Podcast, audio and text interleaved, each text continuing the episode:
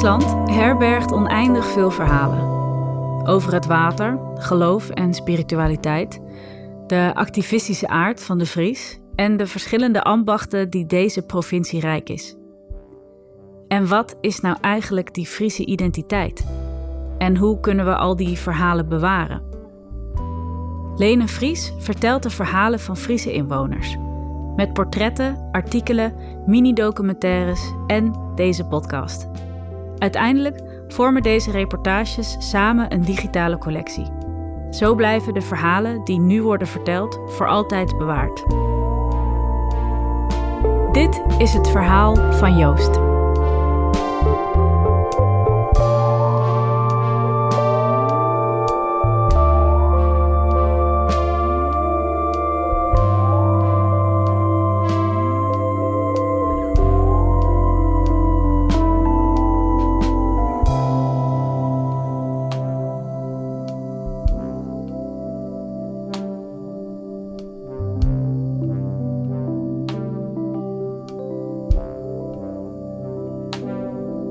Joost van Bodegom. Ik woon in Zwaag. Dat is trouwens, daar woon ik nu het langst van mijn leven. Een jaar of 40, 50. Daarvoor ben ik 21 keer in mijn leven verhuisd.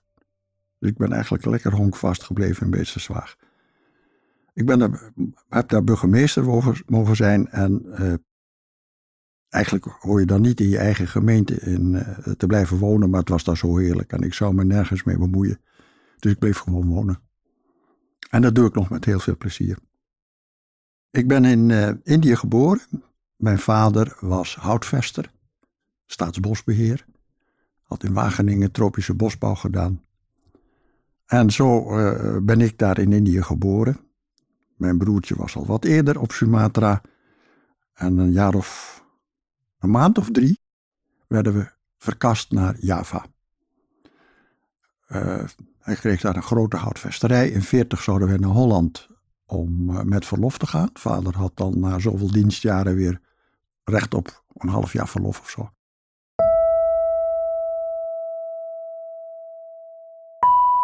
Ik heb besloten nu wat te vertellen over mijn moeder. Omdat zij uh, toch wel een enorme rol heeft gespeeld in, in die oorlogsjaren. Uh, mijn moeder was uh, sportief, uiteraard knap.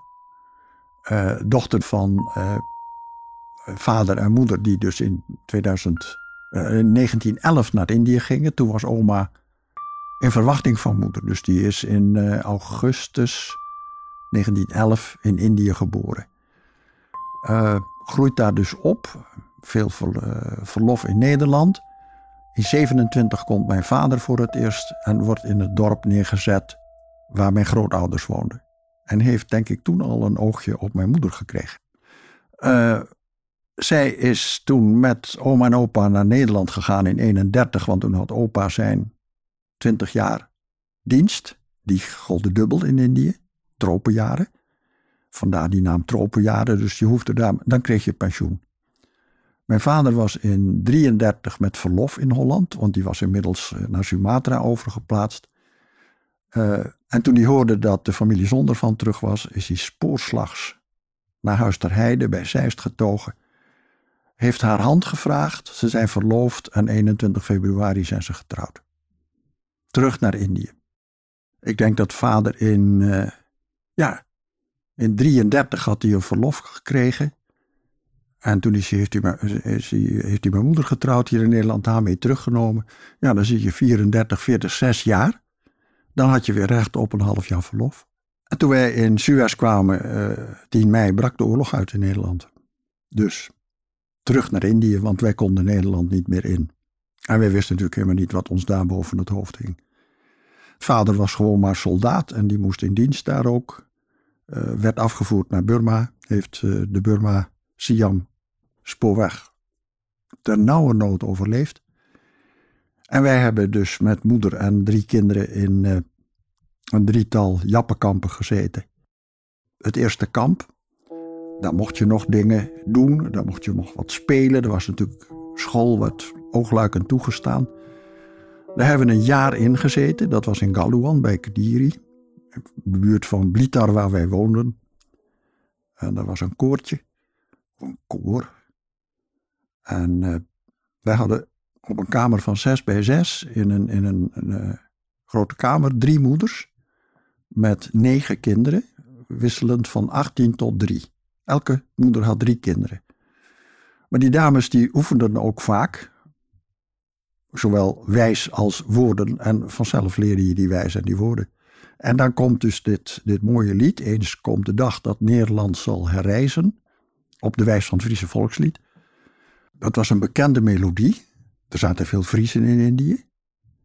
Houd goede moed, die dag breekt zeker aan. Uh, en dan uh, uiteindelijk Nederland herreist en zijn vierde vorstin haalt het met vreugde en blijdschap weer in. En toen zijn we een nacht en een hele dag zo'n beetje op transport gesteld in een oud spoortreintje. Uh, naar uiteindelijk, na een hele dag en een nacht, kwamen we aan in Ambarawa. Dat is ten zuiden van Semarang. En daar mochten we de trein uit en werden we naar een oude gevangenis gebracht, wat ons tweede kamp werd. Moeder hield de moed erin. En het leuke was dat haar, groot, haar vader uh, was bouwkundige bij de Nederlands-Indische spoorwegen. Ook nog stationschef in Ambarawa geweest. Maar onder zoveel tijd van Solo, Kadumjati, Magelang, uh, rond een bergketen, heeft hij daar uh, zijn twintig jaar dienst gedaan. En moeder kende die, die omgeving. En die vond dat eigenlijk wel geinig, maar had van die gevangenis nog nooit gehoord. Het was een oude, afgekeurde gevangenis. Daar, na drie maanden, was er een Japanse commandant die zei dat er te veel mensen zaten. Er zaten er toen, geloof ik, 1500 vrouwen en kinderen. En toen moesten ze 400 vrijwilligers hebben voor een ander kamp. En mijn moeder vond die gevangenis met hoge muren zo triest en die kende die omgeving die mooi was. Die zei, waar we ook terechtkomen, ik wil hier weg. Dus die meldde zich aan. Uiteindelijk zijn er nog, waren er te weinig van de 400. Er moesten er nog een aantal bij verplicht. Ja, die moesten anderen achter. Wij naar buiten te voet, niet wetend dat we 500 meter ten zuiden van de gevangenis een oude kazerne was. Maar met een lage, gevlochten bamboe uh, hek met wat prikkeldraad. Je had uitzicht, je kon de bergen zien, je kon de, de moeras zien in de verte als je hoger. Wij waren ongelooflijk blij dat we uit die gevangenis weg waren. In dat kamp zijn we diverse keren in andere barakken terechtgekomen. Uiteindelijk moesten wij hout hebben voor de keukens. Mijn moeder die was vrij sportief en in redelijke conditie en die meldde zich aan voor de houthak. De ploeg die elke dag naar buiten ging om hout te hakken voor de vuren van de keuken. De vieze luchtjes ja, van de poepsloot. Hè, er was een, een open kanaal waarin alle, je deed je behoefte daar bij ons uh, op zo'n Franse wc. Dus, dus een, een, een opening met twee, uh, waar je je voet en daar beneden was de sloot. De poepsloot, dat was, die stroomde bijna niet, maar die kwam van de berg.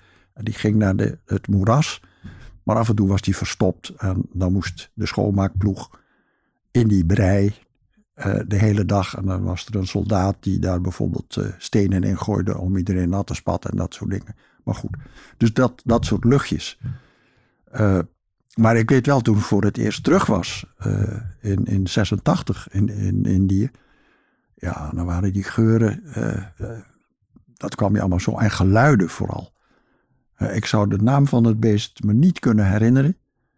Het was nooit meer opgekomen totdat je dat gekrijs hoort. Het is een soort, soort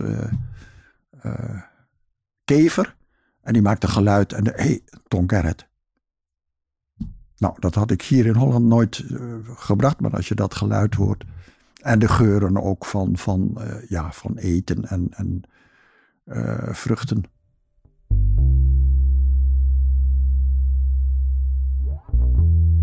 Mijn moeder had nog een, grote kist met notabene een paar pakken van mijn vader. Ja, dat vond ze zo zonde om die achter te laten. Zij heeft toen in haast een aantal pakken in die kist gestopt.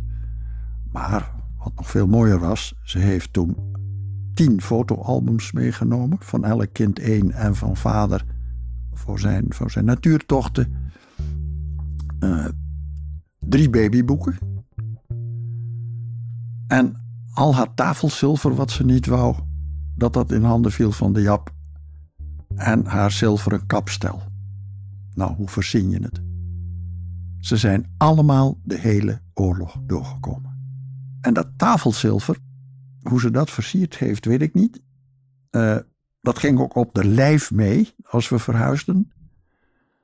Uh, en dan moest je het proberen, want je werd bij een nieuw kamp ook iedere keer gevisiteerd. En hoe ze dat versierden, weet ik nog niet. Maar in de kamptijd zelf kregen we heel veel huiszoekingen. Dan moesten vrouwen en kinderen buiten op appel staan. En in die tussentijd soldaten en anderen die alles opengooiden, koffers open, uh, matrassen opengesneden. Uh, je vond het als een, als een enorme bende terug. Als je na uren dat appel afgelopen was. En ze hebben nooit dat tafelzilver gewonnen. En nooit dat kapstel. Mijn moeder heeft dat altijd bovenop de klamboe verstopt.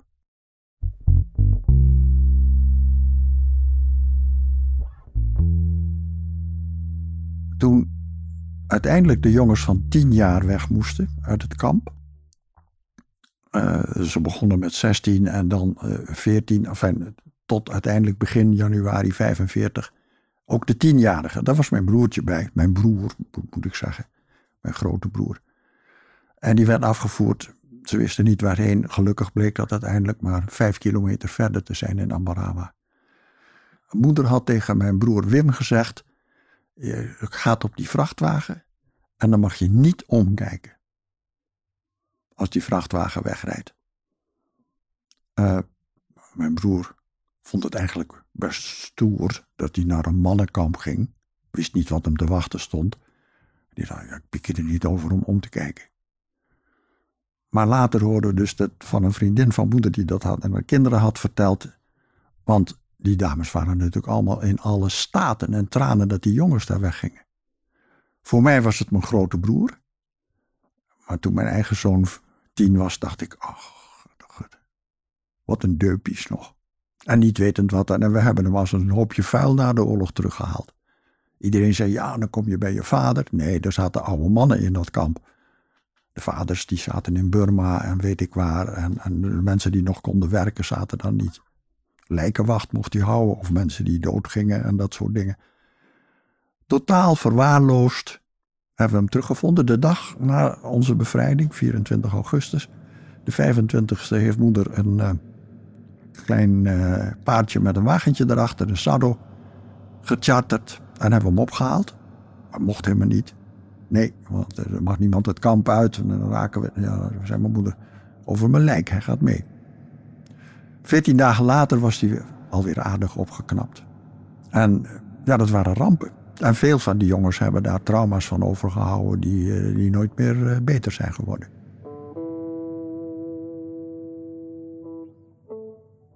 Dat was 24 augustus, werd, uh, riep mijn medekampomroeper... Joost, je kunt smokkelen. Smokkelen? Nu over... Ja, kijk maar. En even verder was dus de schutting. En daar stonden allerlei mensen, mede midden overdag, wat zwaar verboden was... te ruilen, voedsel voor kleren met de Indonesiërs. Die wisten dus al. En wij wisten officieel nog van niks. Toen ben ik naar ons blok gerend en eh, ik had een klein broodzakje. Als er een klein stukje brood was, dan werd dat opgehangen, omdat anders de ratten erbij kwamen.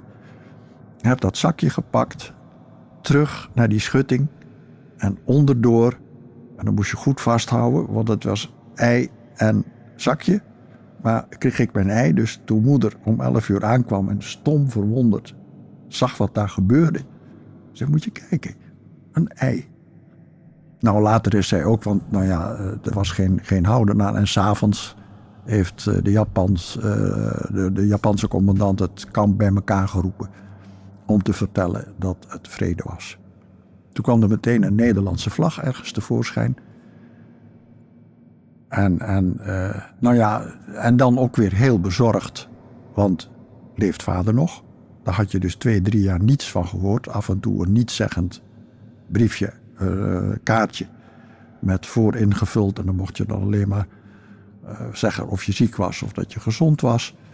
En dat kwam dan nog weer veel te laat aan, dus wij wisten niet of hij leefde. En dat is een paar keer dus pas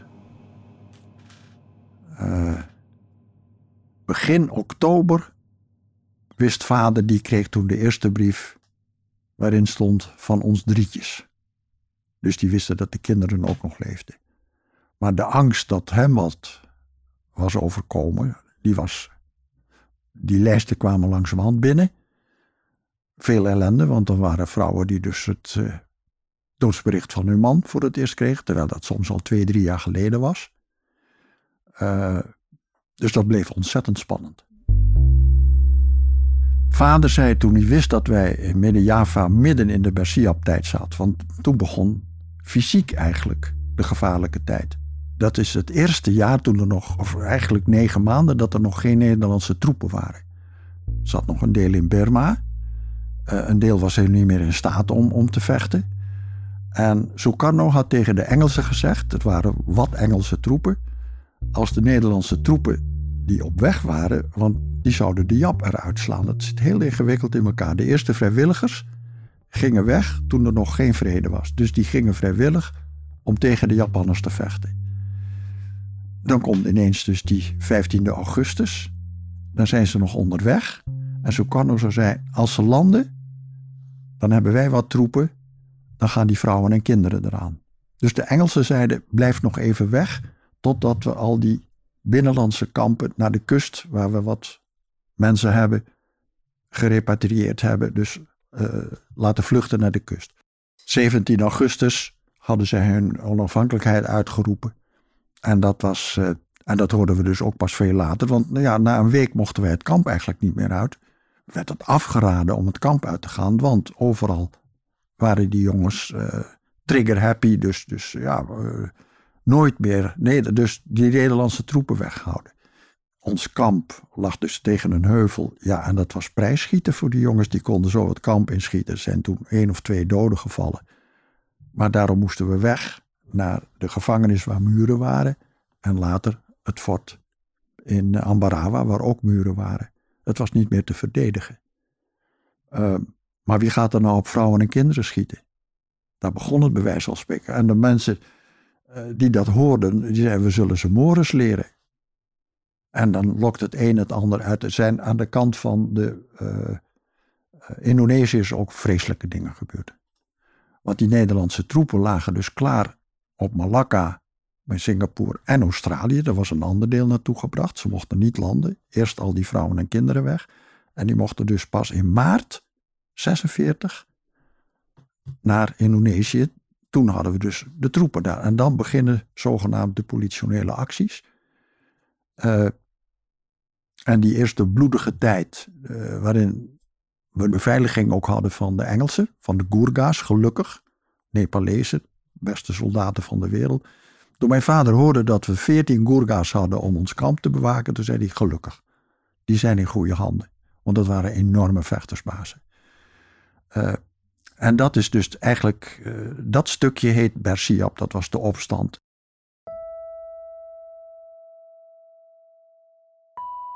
Het volgende kamp, omdat wij beschoten werden, moesten we naar een andere uh, in Amarawa. Daar werden we ook beschoten. Toen moesten we naar Semarang aan de kust. En daar vandaan weg, de eerste, de beste boot die je kunt krijgen. Nou, die ging dan naar Ceylon. Anderen gingen naar Australië of naar Malakka, maar wij gingen naar Ceylon. Vader moest weer terug in dienst. Hij werd goedgekeurd. Maar de tweede arts, toen hij uit Burma naar Singapore, die zei: Ja, geen soldaat meer. Administratief ga je maar werken binnen, want hij, het was gewoon een wrak. Bijna dood in, in Burma. En toen zaten wij inmiddels op Ceylon. Uh, dat wist hij. En de derde arts, die zei: Niks. Uh, geen enkel veldwerk. Twee jaar verlof in Nederland en dan zien we wel weer. En die kwam op 31 januari 46, s'avonds om 11 uur zich melden in ons kamp op Beatrix verjaardag. Feest. Onvoorstelbaar. Helemaal onverwacht. We wisten natuurlijk niet dat hij helemaal afgekeurd was. En uh, ja, Dat was eigenlijk een prachtig verhaal. Die, die verjaardag van Beatrix werd gevierd. En toen waren er wat militairen tijdens die voorstelling van liedjes en weet ik allemaal wat. Daar waren wij natuurlijk niet bij. Maar dat vertelde mijn moeder. En er waren wat militairen even tussendoor, maar die gingen weer weg. Maar een tijdje later waren die militairen er weer. En toen werd er gevraagd: Is mevrouw Jans in de zaal? En toen zei moeder: Hé, hey, dat is Piet Jans, een vriendje van vader. En die vrouw zat bij ons. Dus dat is natuurlijk Piet Jans die daar aankomt. Dus die ging daar in de hoek opstaan. Mijn vader stond daar, wat ze niet wist. En zij riep Arie. En hij riep Lien. En die zijn elkaar voor het toneel in de armen gevlogen. En toen naar ons toe. Dat was dus avonds om een uur, uur of half elf. Toen naar ons toe. Nou ja, wij waren dolblij. Mijn zusje, ja, die wist nauwelijks, die was eh, drie jaar jonger, dus die, die, nou, die vond het maar niks. Maar ja, vader terug. Wauw. Feest. vergeet je nooit weer. Na de oorlog heeft zij natuurlijk ook wel een tik gehad toen de eerste brieven van vader binnenkwamen. Toen eindelijk wisten dat hij nog leefde. Uh, van na de oorlog hebben we dus van de 40 brieven die vader naar ons toeschreef, uiteindelijk zijn er 35 aangekomen. De laatste nog een jaar later in Nederland. Want wij waren iedere keer op een ander adres. Dan ging die brief weer terug. Maar ja, dan hebben beide iets van: uh, weet je wel wat je terugkrijgt? En uh, nou, dat is dus keurig bij elkaar gebleven. Moeder was een haaibaai geworden. Zo gezegd, een vrouw met haar op de tanden. He, dus een, een, een, ja, nou ja, behoorlijk zelfstandig enzovoort enzovoort door de jaren. Maar goed, moeder die heeft ons we hadden die fotoalbums af en toe die foto's bekijken en altijd perspectief geboden in al die jaren. Uh, er komt een keer een eind aan en dan gaan we naar oma en opa in Holland. En opa heeft postzegels en opa heeft grote, kleine stoomlocomotieven. Die zat vroeger bij het spoor en die had dus voor zijn eigen zoon in de tijd, toen hij in Nederland terug was. Uh, ja, dat, waren, dat was zo'n locomotief die op stoom ging. En uh, nou, dat was zoiets ongelooflijks. Dat, ja, daar keken we naar uit. Daar had je toch perspectief. Naast alle ellendige jaren die ze heeft gehad in die oorlog. Zij heeft dat ons nooit laten merken. Vader wou nooit meer over het kamp praten, moeder elke dag. We konden met moeder anekdotes en toen ik in 85 die, die, die verzameling maakte van onze herinneringen, ja, heb ik bij haar ook nog veel, uh, hoe zat dat dan nog precies? En, en uh, ja, dat wist ze allemaal nog precies.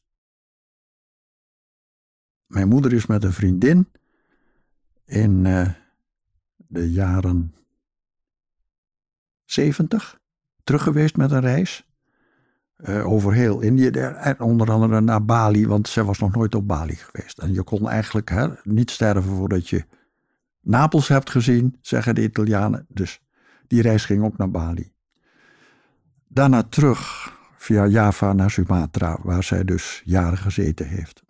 En toen kwam ze in haar woonplaats, Pematang Siantar, mijn geboorteplaats, in een hotel, wat ze in de tijd nog kende toen zij daar kwamen.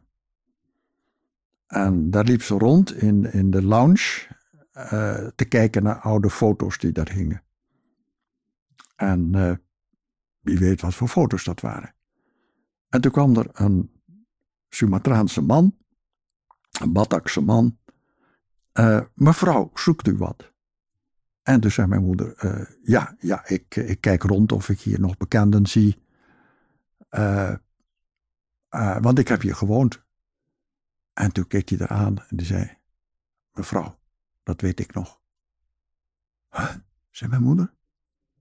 Dat is 40 jaar geleden dat ik hier weggang. Ja, dus in 36 zijn ze weggegaan. En dat was omstreeks 86 dat ze eh, in de jaren 70, 80, 40. Mevrouw, komt u eens mee naar buiten. Nou, zij met hem mee naar buiten. En toen zei hij, u hebt drie maanden met uw man in, die, in dat huisje gewoond toen u nog geen huis hier had. Mijn moeder smolt. Hij was tuinjongen van een jaar of twaalf. En Had kennelijk indruk op hem uh, gemaakt. En uh, ja, dat vond ze wat. Toen ze wegging, zei ze: Mevrouw, tot ziens hoor. Ze zei: Nee, zei moeder, dit is echt mijn afscheid. Hè? Afscheid van Indië. Ik heb Bali nu gezien. Uh, ze vond het genoeg geweest. Maar het leuke was, twee uur later waren ze terug omdat de bus pannen had. Ziet u wel, zei de man.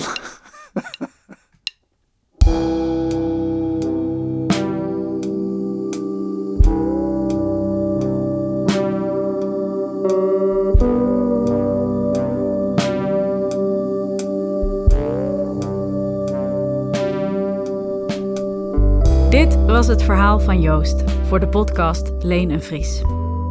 Deze podcast werd gemaakt door mij, Joran de Boer, en Aira Helverich, die de eindmixage deed. De muziek werd gemaakt door Esker van der Werken. Dank aan Joost voor het vertellen van je mooie verhaal. En dank aan jou, luisteraar, voor het luisteren. Vond je deze aflevering mooi? Deel hem dan vooral met anderen. En als je dan toch bezig bent, laat dan ook even een review achter. Op die manier kunnen andere podcastliefhebbers deze podcast makkelijker vinden. Meer informatie over Lene Vries vind je via de link in de show notes. Graag tot de volgende aflevering.